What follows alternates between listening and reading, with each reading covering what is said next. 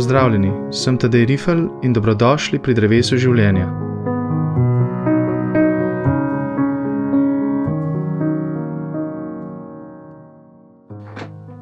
V začetku februarja smo se z družino preselili v veliko hišo. Te spremembe smo se zelo veselili, saj je bilo pravo olajšanje, ko smo zapustili utesnjenost stanovanja in ga zamenjali za prostornost novega bivališča. Hkrati pa je bila ta sprememba za me osebno tudi vrnitev k koreninam mojega osebnega življenja, saj sem večji del svojega otroštva, pa tudi del mladosti, z družino preživel v veliki prostorni hiši. Selitvijo v hišo, ponavadi je tako, torej človek pridobi precej več prostora za bivanje. Recimo, pridobi precej večjo klet. Tudi mi smo jo dobili. Prej v bloku smo jo sicer imeli, ampak je bila le malo večja od shrambe, ki jo imamo sedaj v hiši. Po drugi strani pa je bila tako zelo oddaljena od uh, našega stanovanja, da sem imel včasih res občutek, kot da ne spada k našemu stanovanju, čeprav je bila njen del. Po drugi strani pa je bila tista klet, za razliko od te zdaj v hiši, precej globje v zemlji, zato tudi precej bolj temačna in strašljiva ob enem. Ta sedaj v hiši je zgolj deloma okopana v zemljo, ker je naša hiša na bregu, in naša klet le deloma predstavlja tisto, kar ne bi klet v klasičnem smislu predstavljala, ko je v celoti ukopana v zemljo.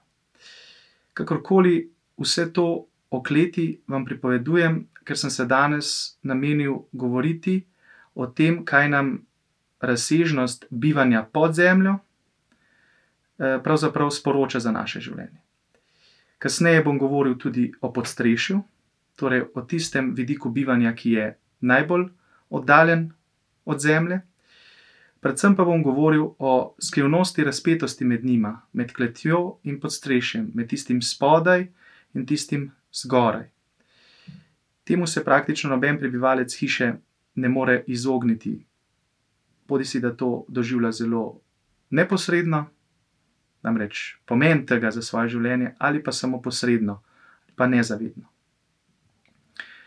Iti v klet dobesedno pomeni iti v temačno razsežnost bivališča, temačno razsežnost življenja.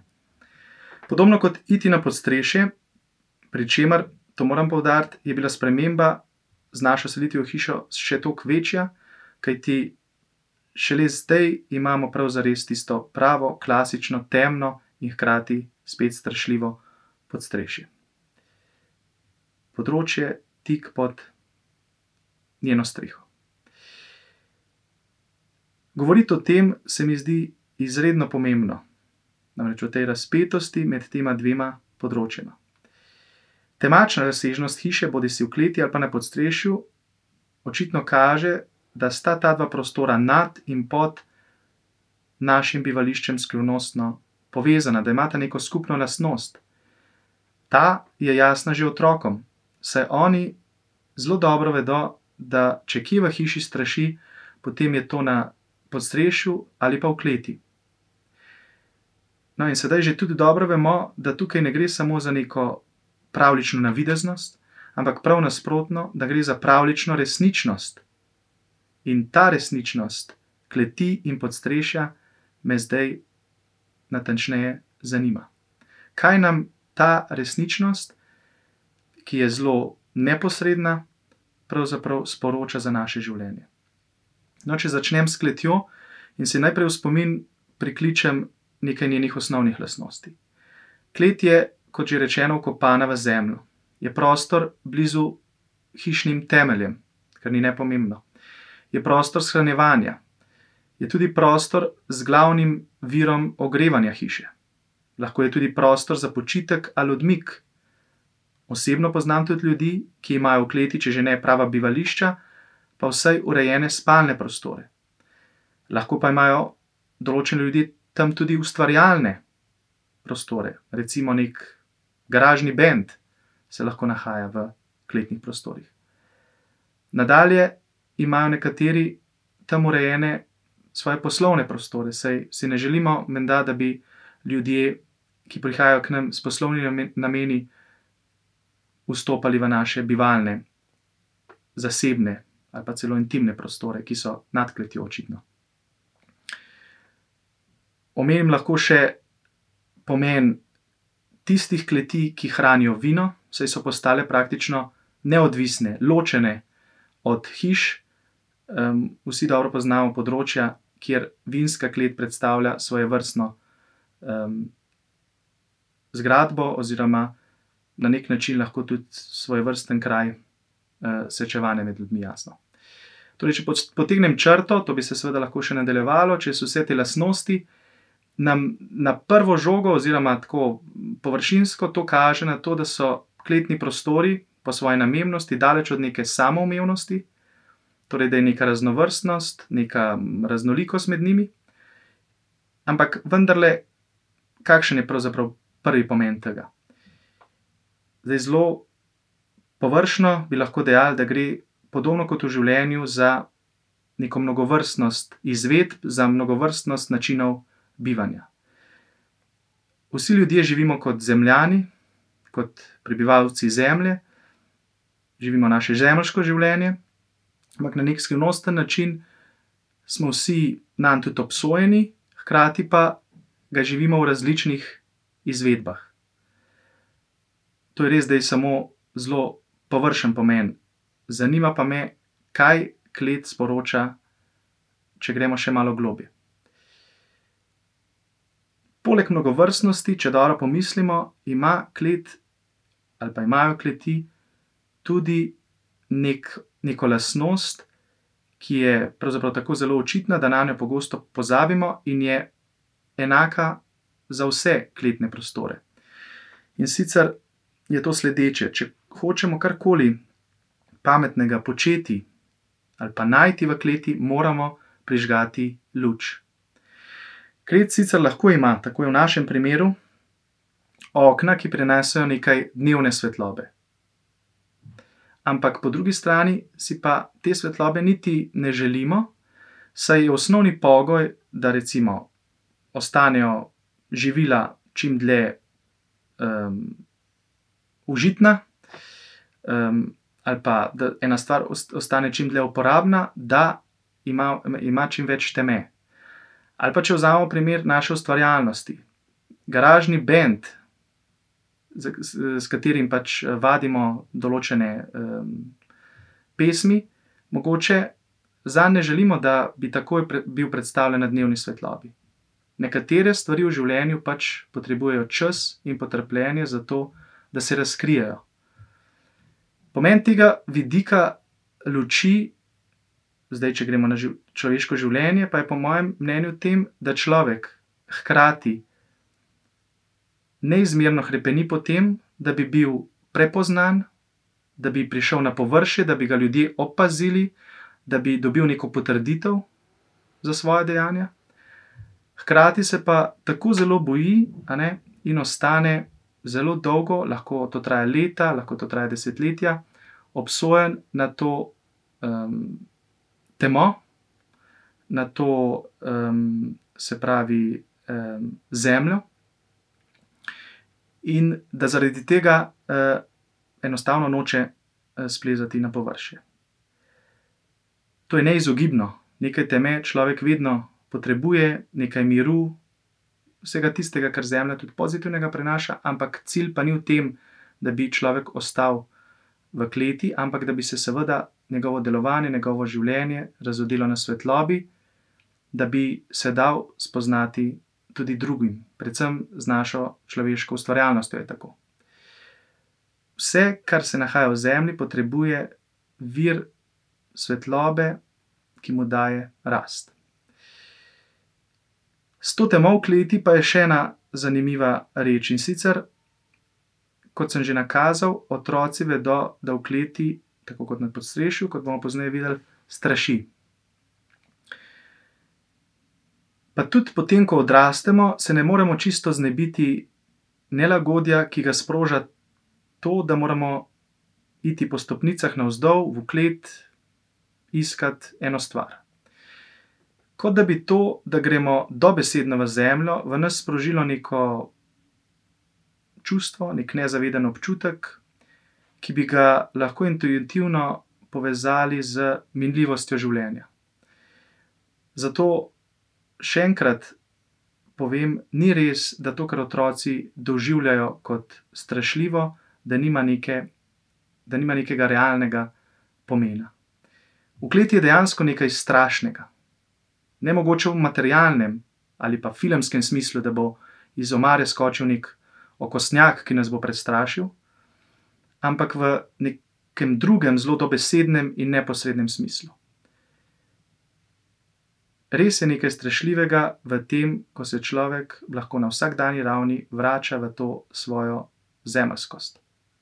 Pa čeprav gre samo za klet, ki je okopana v zemljo. Se vam ne zdi tako, da je to, kar govorim, resnično? Zemlja pomeni v splošnem hkrati začetek in konec.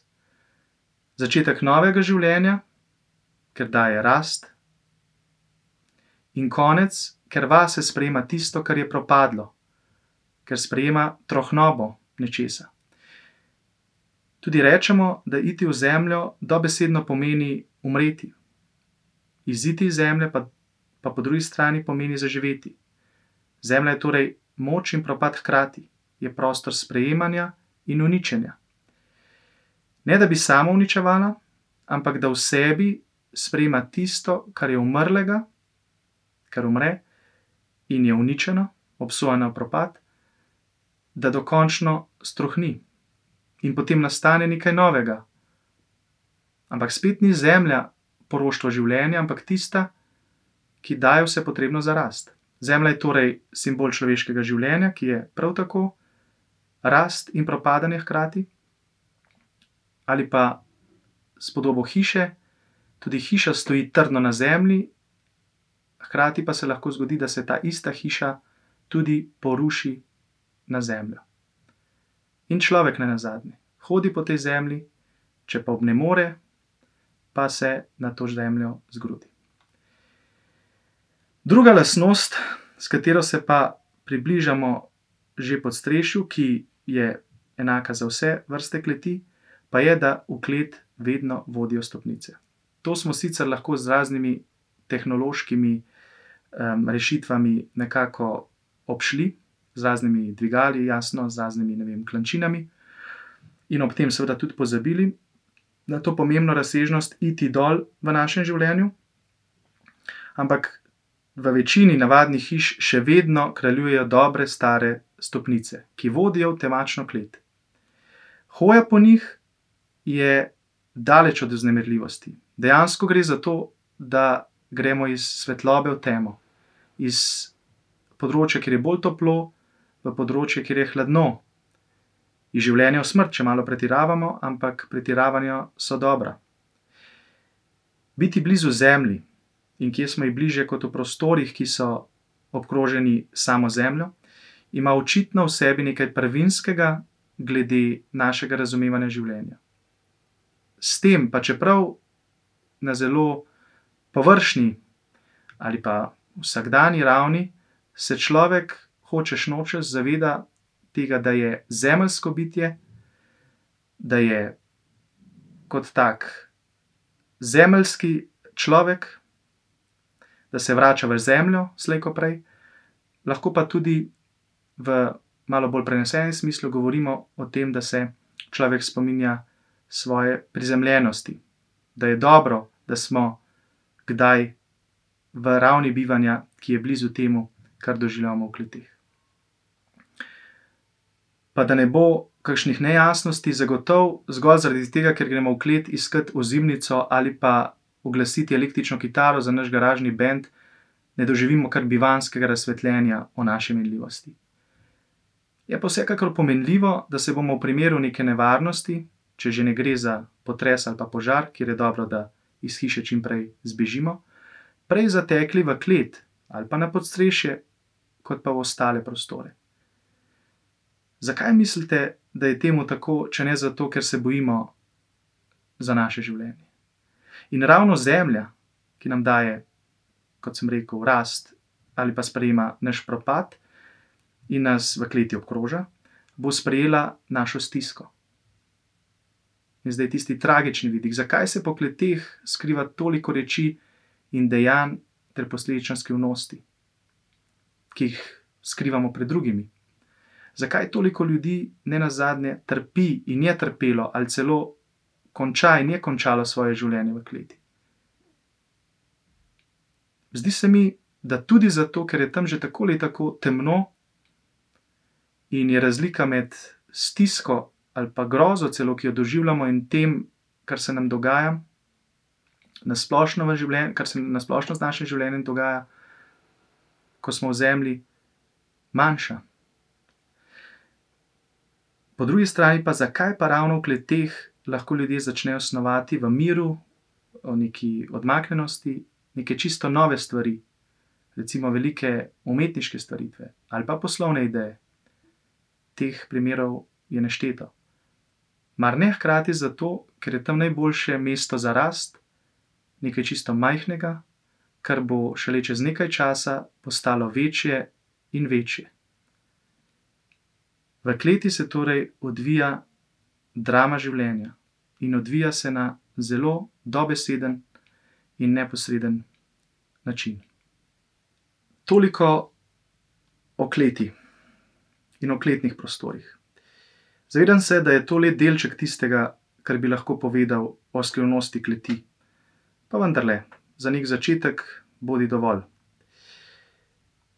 Zdaj bi pa rad nadaljeval s podstrešjem. Kako pa je s tem prostorom našega bivanja? Podobno kot s kletjo, pa vendarle bistveno drugače. Zakaj? Podstrešje je vsekakor lahko tudi strašljivo in temačno, ima stopnice, kot sem že rekel, ima dramatičnost snovanja in ustvarjanja, kakšen slikarski atelje bi se lahko našel na podstrešju.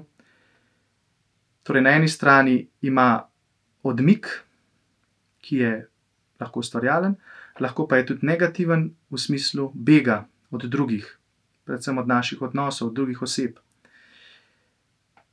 Tudi podstrešje torej v sebi skriva veliko britkih lastnosti, ne nazadnje tudi smrt. Poznamo pa tudi podstrešna stanovanja, oziroma tako imenovane mansarde. Te so zelo priljubljene, v sebi skrivajo poseben čar in lepoto. Za razliko recimo od kletnih stanovanj, ki so morda zanimiva za življenje študentov, ker je najemnina poceni, ali pa spet nadobudnih ustvarjalcev, ki si želijo določen mir in temačnost. Recimo, ne predstavljam si življenja fotografa, ki ne bi vsebovalo določen del, kjer za svoje ustvarjanje potrebuje ne samo mir, ampak tudi dejansko temo. Težko si pa predstavljamo, oziroma nas kar malo zmrazi, da bi v kleteh živele recimo družine, še posebej z majhnimi otroki. Medtem ko mlade družine ali pa družine nasploh prav z veseljem iščejo čudovita podstrešna stanovanja, jaz v resnici ne poznam nobene družine, ki bi si želela, razen če ni v to prisiljena, živeti v kleti. Za podstrešna stanovanja, po mojem mnenju, obstajata dva očitna razloga. Eno je vir svetlobe, ki je, ki je pač na podstrešju v izobilju, in pa seveda čudoviti razgledi. Biti nad dogajanjem spodaj, za razliko od biti pod, v stanovanju, navadnem ali pa celo v kleti, je tisto, kar po mojem mnenju tvori bistveno posebnost ali pa čarobnost podstrešnega bivanja. Svetloba človeka navdaja s prav posebno močjo, in če jo v kleti na vsak način iščemo, smo v podstrešnem stanovanju izpostavljeni njeni obilnosti. Na neki način lahko rečemo s pretiravanjem spet, ampak to je dobro, da gre za delček, majhen del tistega nadzemeljskega življenja. Ker dejansko živimo precej nad zemljo. No, imajo pa podstrešja tudi še eno drugo posebna lastnost, ki jih dela drugačne, tako od vsega drugega v hiši, posebej pa od tistega, kar doživljamo v kleteh in sem že opisal. Podstrešje je edini prostor v hiši, kjer se moramo spustiti navzdol, v kleti smo se morali spustiti navzgor. In če je klet simbol življenja in umiranja ob enem, se je tudi zemlja prostor tega, da rastemo, da nekaj raste in da nekaj propada, je podstrešje svojo izjemno lego nad drugimi prostori, poleg vsega drugega, kar je bilo že našteto, simbolično mesto življenja, ki ne more umreti. Kako je zdaj to mogoče? Zakaj sem to tako rekel?